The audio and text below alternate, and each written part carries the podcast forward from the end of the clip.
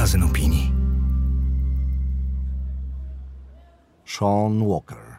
Cel numer dwa. Przełożyła Anna Dzierżgowska. Czyta Magdalena Kumorek. Pierwsza dama Ukrainy, Olena Załęska, o tym, co to znaczy być celem numer dwa Putina. Kiedy widzisz zbrodnie, jakich się dopuścili, myślisz, że może naprawdę są zdolni do wszystkiego. Jej mąż, Wołodymir Załęski, przewodzi narodowi walczącemu z rosyjską inwazją, a jej rodzina jest zagrożona. Ołena Załęska, która rzadko udziela wywiadów, tym razem wyjawia, jaka jest cena nieoczekiwanej wojny. Nad ranem 24 lutego do uszu Ołeny Załęskiej zaczęły docierać dobiegające z oddali stłumione odgłosy wybuchów. Dryfując między snem a jawą, uświadomiła sobie, że nie są to bynajmniej fajerwerki. Gwałtownie otworzyła oczy. Zobaczyła, że jest w łóżku sama. Zerwała się i pobiegła do sąsiedniego pokoju, gdzie zastała męża, Wołodymira Załańskiego, prezydenta Ukrainy już ubranego, w garniturze i pod krawatem. Co się dzieje? zapytała. Zaczęło się, odpowiedział. Miałam wrażenie, że znalazłam się w równoległej rzeczywistości, że śnie. Tak Załańska opisuje moment, w którym w zwyczajne życie jej kraju, jej rodziny, nagle wdarła się wojna. Wkrótce jej męża przewieziono do kompleksu prezydenckiego w centrum Kijowa na posiedzenie Rady Bezpieczeństwa, która miała zadecydować o wstępnej reakcji na szokujący, bezpośredni atak Władimira Putina.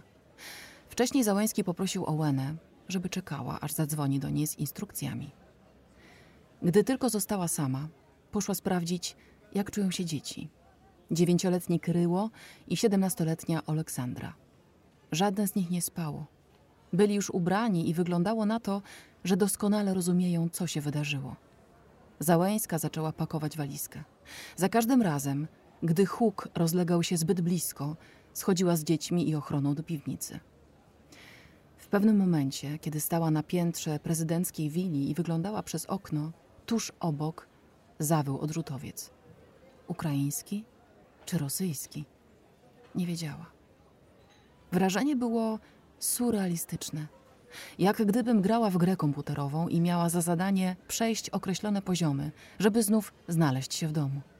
A jednocześnie musiałam się trzymać, więc przez cały dzień chodziłam z dziwacznym uśmiechem przylepionym do twarzy, ponieważ starałam się nie okazywać paniki przy dzieciach. Wypełnialiśmy po prostu polecenia ochrony, przemieszczając się tam, gdzie nam kazano, opowiada. Wieczorem Udało jej się na krótko spotkać z mężem. Nie może powiedzieć gdzie.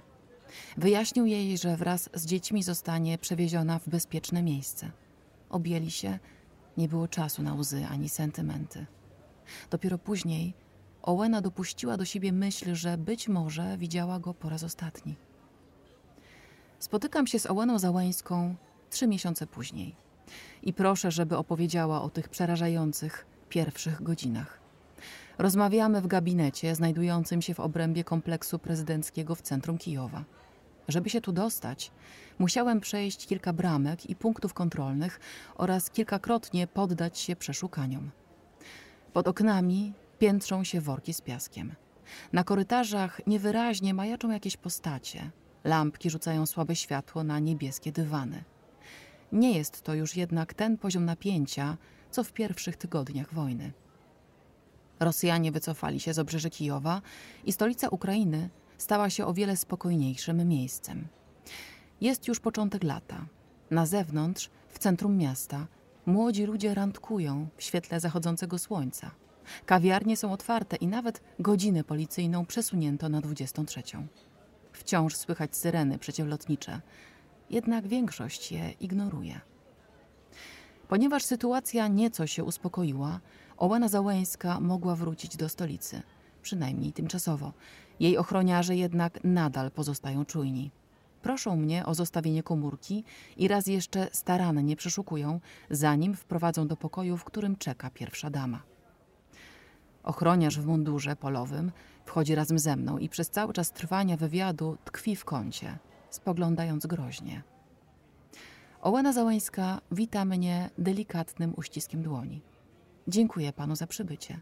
Mówi po angielsku, zanim przejdzie na ukraiński.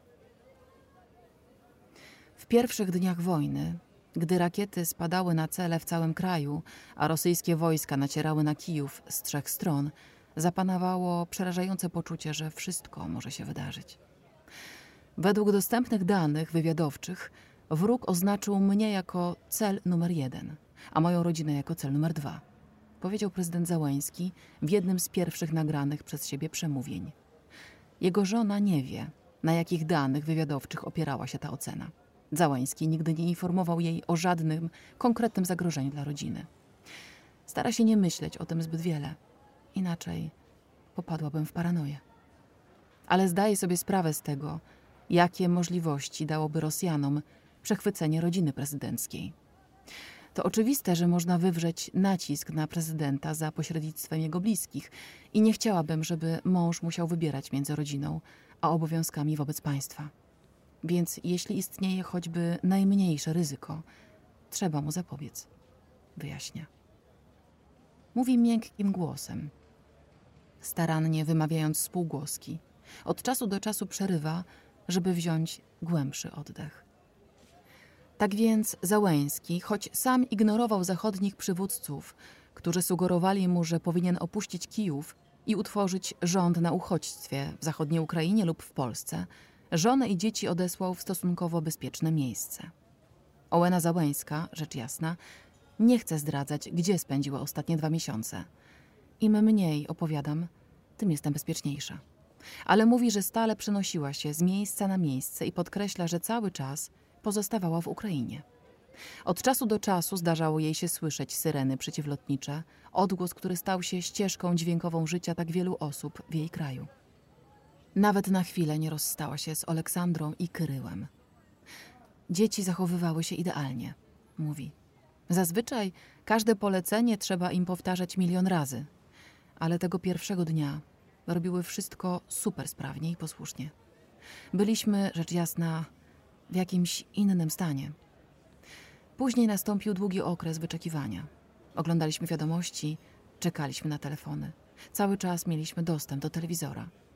Ach, czyli mieliście telewizję, podchwytuje. Widzę, że próbuje pan uzyskać ode mnie jakieś wskazówki. Tak, mieliśmy telewizję.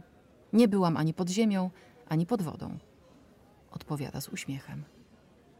Pewnej nocy na początku wojny, kiedy wojska rosyjskie podjęły próbę szturmu na Kijów, zobaczyła w telewizji rosyjski czołg w dzielnicy Obołoń, tuż przed budynkiem, w którym kiedyś mieszkała.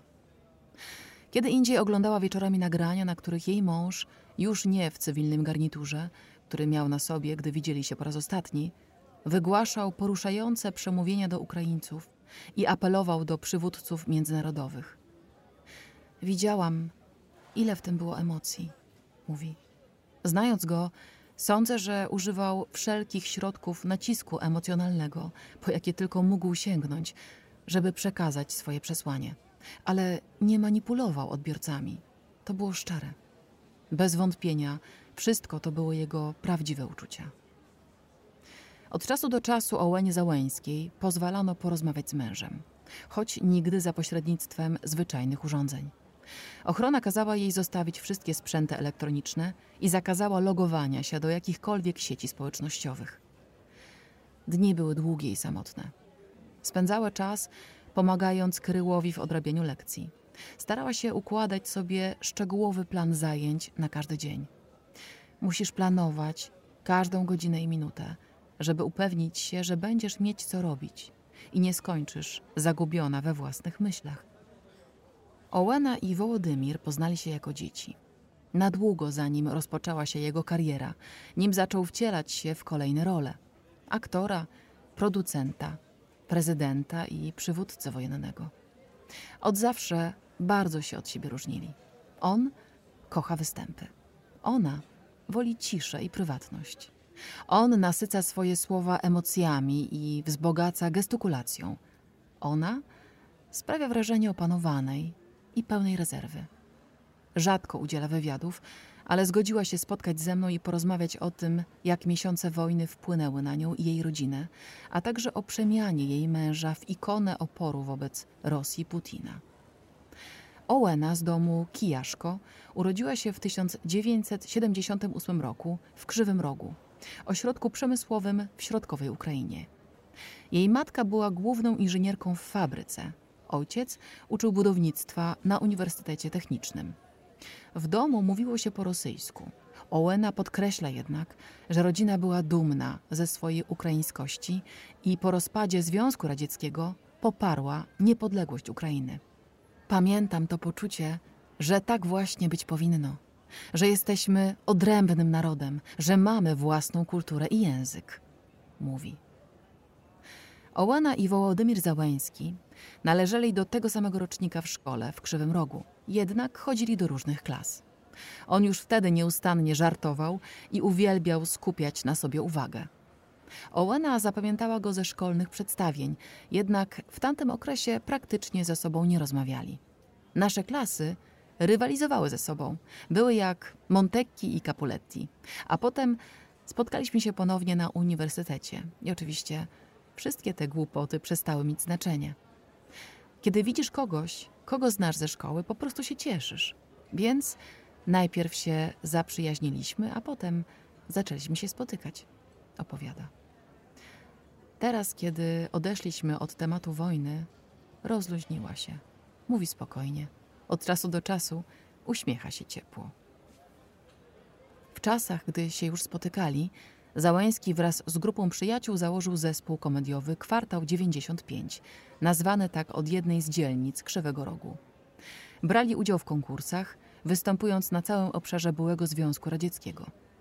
W 2003 roku, tym samym, w którym Ołena i Wołodymir wzięli ślub, Kwartał zaczął produkować własny program telewizyjny. Ołena była scenarzystką, należała do zespołu, który przygotowywał skecze dla Załańskiego i pozostałych. Zajmowała się tym wiele lat. Nawet kiedy jej mąż został prezydentem, nadal od czasu do czasu pomagała w pisaniu skeczy.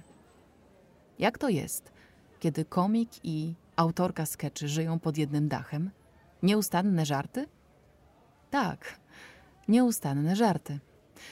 Ja czasem miewałam już dosyć wygłupów. On nigdy, mówi, uśmiechając się z czułością. Przedwojenny Załęski z jej opowieści jawi się jako osobnik niemal chorobliwie wesoły. Zawsze umiał wymyślić coś zabawnego. Kiedy się kłóciliśmy, szłam do pracy i cały dzień rozmyślałam o naszej kłótni. On przychodził do pracy, wyłączał tryb dramat, włączał tryb komediowy, pracował ciężko cały dzień i wracał w świetnym nastroju. Ja reagowałam na to mniej więcej tak. Dlaczego nie cierpisz tak jak ja? Kolejnym krokiem w karierze Załańskiego był serial Sługa Narodu. Zagrał w nim zwyczajnego człowieka, który zostaje prezydentem. Następnie zarejestrował partię, którą nazwał od tytułu serialu i ogłosił, że naprawdę kandyduje na prezydenta. Ołena Załańska dowiedziała się o jego decyzji z wiadomości. Mąż twierdził, że po prostu zapomniał ją uprzedzić. To raczej niezwykłe przeoczenie. Czy była zła? Rozbawiona? Zrezygnowana? Towarzyszyła mi cała gama emocji, odpowiada Owena dyplomatycznie. Jasno daje jednak do zrozumienia, że nigdy nie interesowała jej popularność związana z polityką i że kiedy w 2019 roku jej mąż odniósł zwycięstwo przytłaczającą większością głosów i został prezydentem, ona ograniczyła publiczne wystąpienia i wywiady do minimum.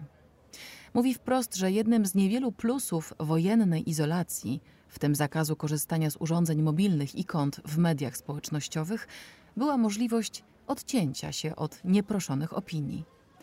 Nie musisz już się zastanawiać, jak ludzie zareagują na dowolną rzecz, którą zrobisz, mówi. Przez te dwa i pół roku przed wojną było to dla mnie emocjonalnie obciążające. Prezydent Załański w ciągu ostatnich pięciu lat doświadczył więcej zaskakujących zwrotów życiowych niż większość ludzi przez całe życie. Kiedy w lutym 2020 roku przeprowadzałam z nim wywiad, uparcie unikał tematu Donalda Trumpa, ponieważ przez cały pierwszy rok urzędowania był wplątany w sprawę impeachmentu amerykańskiego prezydenta. Przetrzymał jednak historię z Trumpem, a teraz robi wszystko, by pokonać Putina.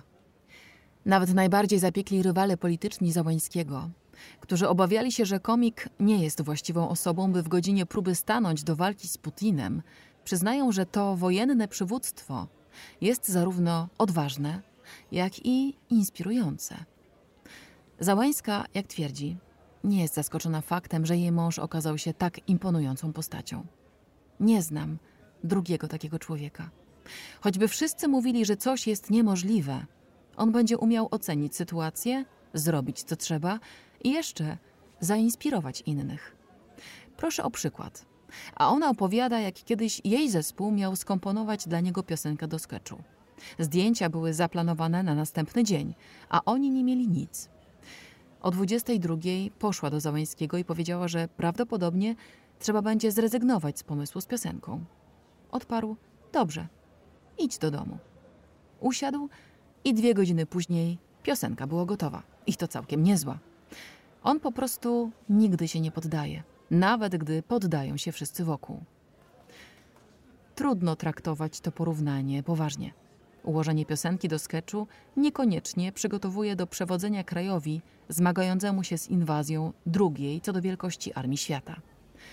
Najwyraźniej jednak Owena słusznie dostrzega coś w charakterze swojego męża, co uczyniło go nadspodziewanie kompetentnym przywódcą wojennym. Po części chodzi o jego umiejętności komunikacyjne. Bardzo szybko zapamiętuje teksty i potrafi je pewnie wypowiadać. Mówi: Wie, jak pracować z kamerą, nie gra, po prostu ma umiejętności, potrafi to dobrze robić. Dla mnie publiczne przemawianie jest niesamowicie trudne. Za każdym razem się stresuję. Jemu to przychodzi naturalnie. Kolejnym elementem jest dyscyplina. Ze względu na jego skłonność do żartów i na surowsze usposobienie Oweny, ludzie często zakładają, że w tym związku to ona pilnuje dyscypliny, a on jest wyluzowanym twórcą. Tymczasem dyscyplina to jego drugie imię, mówi Owena. Włącza się budzik, a on wstaje, myje zęby, ubiera się i wychodzi. I zajmuje mu to pięć minut, podczas gdy ja zbieram się przez pół godziny. On ma te cechy psychiczne, które pozwalają wytrzymać stres i zachować dyscyplinę. Twierdzi przy tym, co wydaje się dość zaskakujące, że w ciągu ostatnich miesięcy nie zauważyła żadnej zmiany w nastroju męża. Czy to znaczy, że on wszystko ukrywa? Czy stres nie odbije się na nim po zakończeniu wojny? Nie martwię się o jego zdrowie psychiczne, ale o fizyczne. Zawsze choruje, kiedy kończy się trudniejszy czas. Rozluźnia się, a potem łapie jakiegoś wirusa albo coś w tym rodzaju. Staram się o niego dbać, ale jak każdy mężczyzna, nie lubi mierzenia temperatury czy ciśnienia. Żeby do niego dotrzeć, muszę czasem zrobić scenę. Pierwsza dama to, jak przyznaję, dziwna rola, definiowana przez pracę męża, bez formalnej władzy, związana z ciągłym osądzaniem wyglądu i ubioru. Mimo to Owena uważa, że warto wykorzystać miękką siłę, jaką daje ta pozycja. I w zeszłym roku zorganizowała nawet w Kijowie szczyt pierwszych dam i dżentelmenów. Wzięło w nim udział 10 pierwszych dam, w tym Emine Erdogan i Michelle Bolsonaro. W tym roku Owena ma nadzieję powtórzyć szczyt w formie spotkania online. Skoro tak wiele krajów chce okazać solidarność z Ukrainą, być może uda się zorganizować większą imprezę. W ostatnich tygodniach Załęska często rozmawiała z pewnymi osobami, które wówczas poznała, a także z innymi pierwszymi damami. Po raz pierwszy pojawiła się publicznie 10 tygodni po rozpoczęciu wojny, aby spotkać się z Jill Biden. Razem odwiedziły szkołę na dalekim zachodzie Ukrainy, rozmawiały z osobami, które uciekły przed konfliktem na wschodzie. To odważne z jej strony, że przyjechała. Była niezwykle empatyczna i bardzo zainteresowana historiami, które ludzie mieli do opowiedzenia, mówi Załańska. Inne rozmowy odbywały się przez telefon. Brigitte Macron zaoferowała pomoc w odbudowie szkoły. Przed naszym spotkaniem Załańska rozmawiała też online z królową Belgii Matyldą, która jako psycholożka z wykształcenia ma kilka rad dotyczących programów wsparcia. Ukraińcy nie są przyzwyczajeni do tego, by szukać pomocy psychologicznej. Skłonni jesteśmy ignorować depresję czy lęki. Musimy przeprowadzić dużą kampanię społeczną, aby powiedzieć ludziom, że to nie ich wina, jeśli potrzebują pomocy psychologicznej, mówi Załańska. Zajmowała się tą kwestią jeszcze przed wojną i o ile część jej innych projektów, na przykład wprowadzenie zdrowszych posiłków w szkołach, wydaje się mniej istotna w momencie, gdy zagrożone jest przetrwanie milionów Ukraińców, o tyle kwestia dostępu do opieki psychologicznej nigdy nie była pilniejsza. Dla Załęskiej, jeśli porównać jej doświadczenia z losem wielu innych Ukraińców, ostatnie miesiące nie były zbyt ciężkie. Wojna odbiła się jednak także na rodzinie prezydenckiej. Mój syn powiedział mi: Mamo, wiesz, chcę się spotkać z przyjaciółmi. Tak długo ich nie widziałem. Od trzech miesięcy bawię się tylko z psami i ochroniarzami. Jej córka uczy się i ma nadzieję rozpocząć we wrześniu studia uniwersyteckie, ale podobnie jak miliony innych młodych Ukraińców, nie mogła chodzić do szkoły. W dodatku wojna nadeszła po dwóch latach zakłóceń wywołanych przez COVID.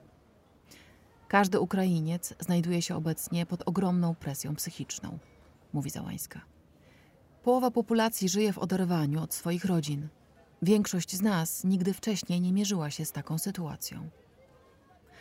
Na razie najważniejsze jest pokonanie Putina, ale kiedy wojna się skończy, niezbędny będzie wielki program uzdrowienia narodu. Nikt nie potrzebuje kraju, który wygrał, który walczył o swoje terytorium, ale który zaludniają ludzie niezdolni normalnie żyć, funkcjonować, wychowywać dzieci. Stoją przed nami poważne zagrożenia. Rozmawiamy już ponad godzinę, a zanim skończymy, chcę wrócić do tych dni przed wojną, kiedy amerykański wywiad wysyłał coraz bardziej alarmujące komunikaty o zamiarach Putina, a Załęski powtarzał Ukraińcom, żeby nie wpadali w panikę. Czy w tamtych dniach odczuwał presję? Czy wracał do domu dręczony poczuciem, że może powinien przestrzec rodaków, by przygotowywali się do wojny? Nie, oczywiście, że nie. Z różnych stron napływały różne informacje. Mówi trochę zirytowana. Rzecz jasna, nikt nie dzielił się ze mną w domu żadnymi tajemnicami wojskowymi.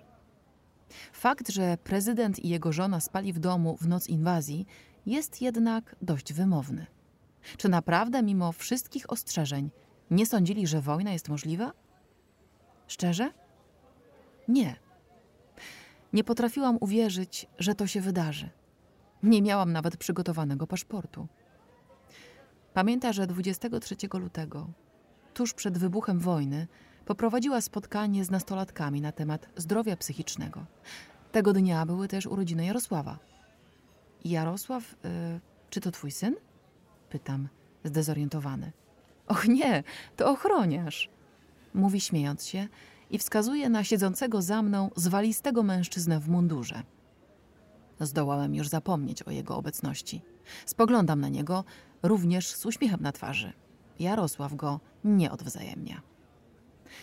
Tamtego ostatniego dnia przed wojną, jak opowiada Owena, niektórzy w biurze dyskutowali o pakowaniu walizek na wypadek, gdyby wojna rzeczywiście wybuchła, a ona zaplanowała, że zrobi to następnego dnia. I tak się też stało. Spakowała walizkę, gdy na zewnątrz rozlegał się już huk bomb. Załańska może teraz spędzić trochę czasu w Kijowie, ale nie jest pewna, czy rodzina prezydenta przestała być celem Rosjan. Kiedy widzisz przerażające zbrodnie, których się dopuścili, myślisz, że może naprawdę są zdolni do wszystkiego. Dlatego też wymijająco odpowiada na pytanie, gdzie obecnie mieszka. Mówi, że oczywiście nie może być razem z mężem, ale przynajmniej mają teraz okazję się widywać. Ich pierwsze spotkanie po tych wszystkich tygodniach opisuje z typowymi dla siebie niedopowiedzeniami. Przytuliliśmy się, przywitaliśmy, pytaliśmy nawzajem o swoje samopoczucie. Dzieci były tutaj i utuliły się do niego przez jakiś czas.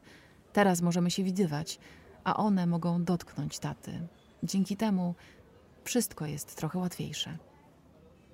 Później, kiedy Załęska pozuje na schodach budynku administracji, pojawia się prezydent z plikiem dokumentów i w asyście żołnierzy w drodze na spotkanie. Zatrzymuje się, by zamienić kilka słów z żoną i krótko ją całuje. Kiedy się odsuwa, jeszcze przez chwilę trzymają się za ręce, a potem on rusza w dalszą drogę.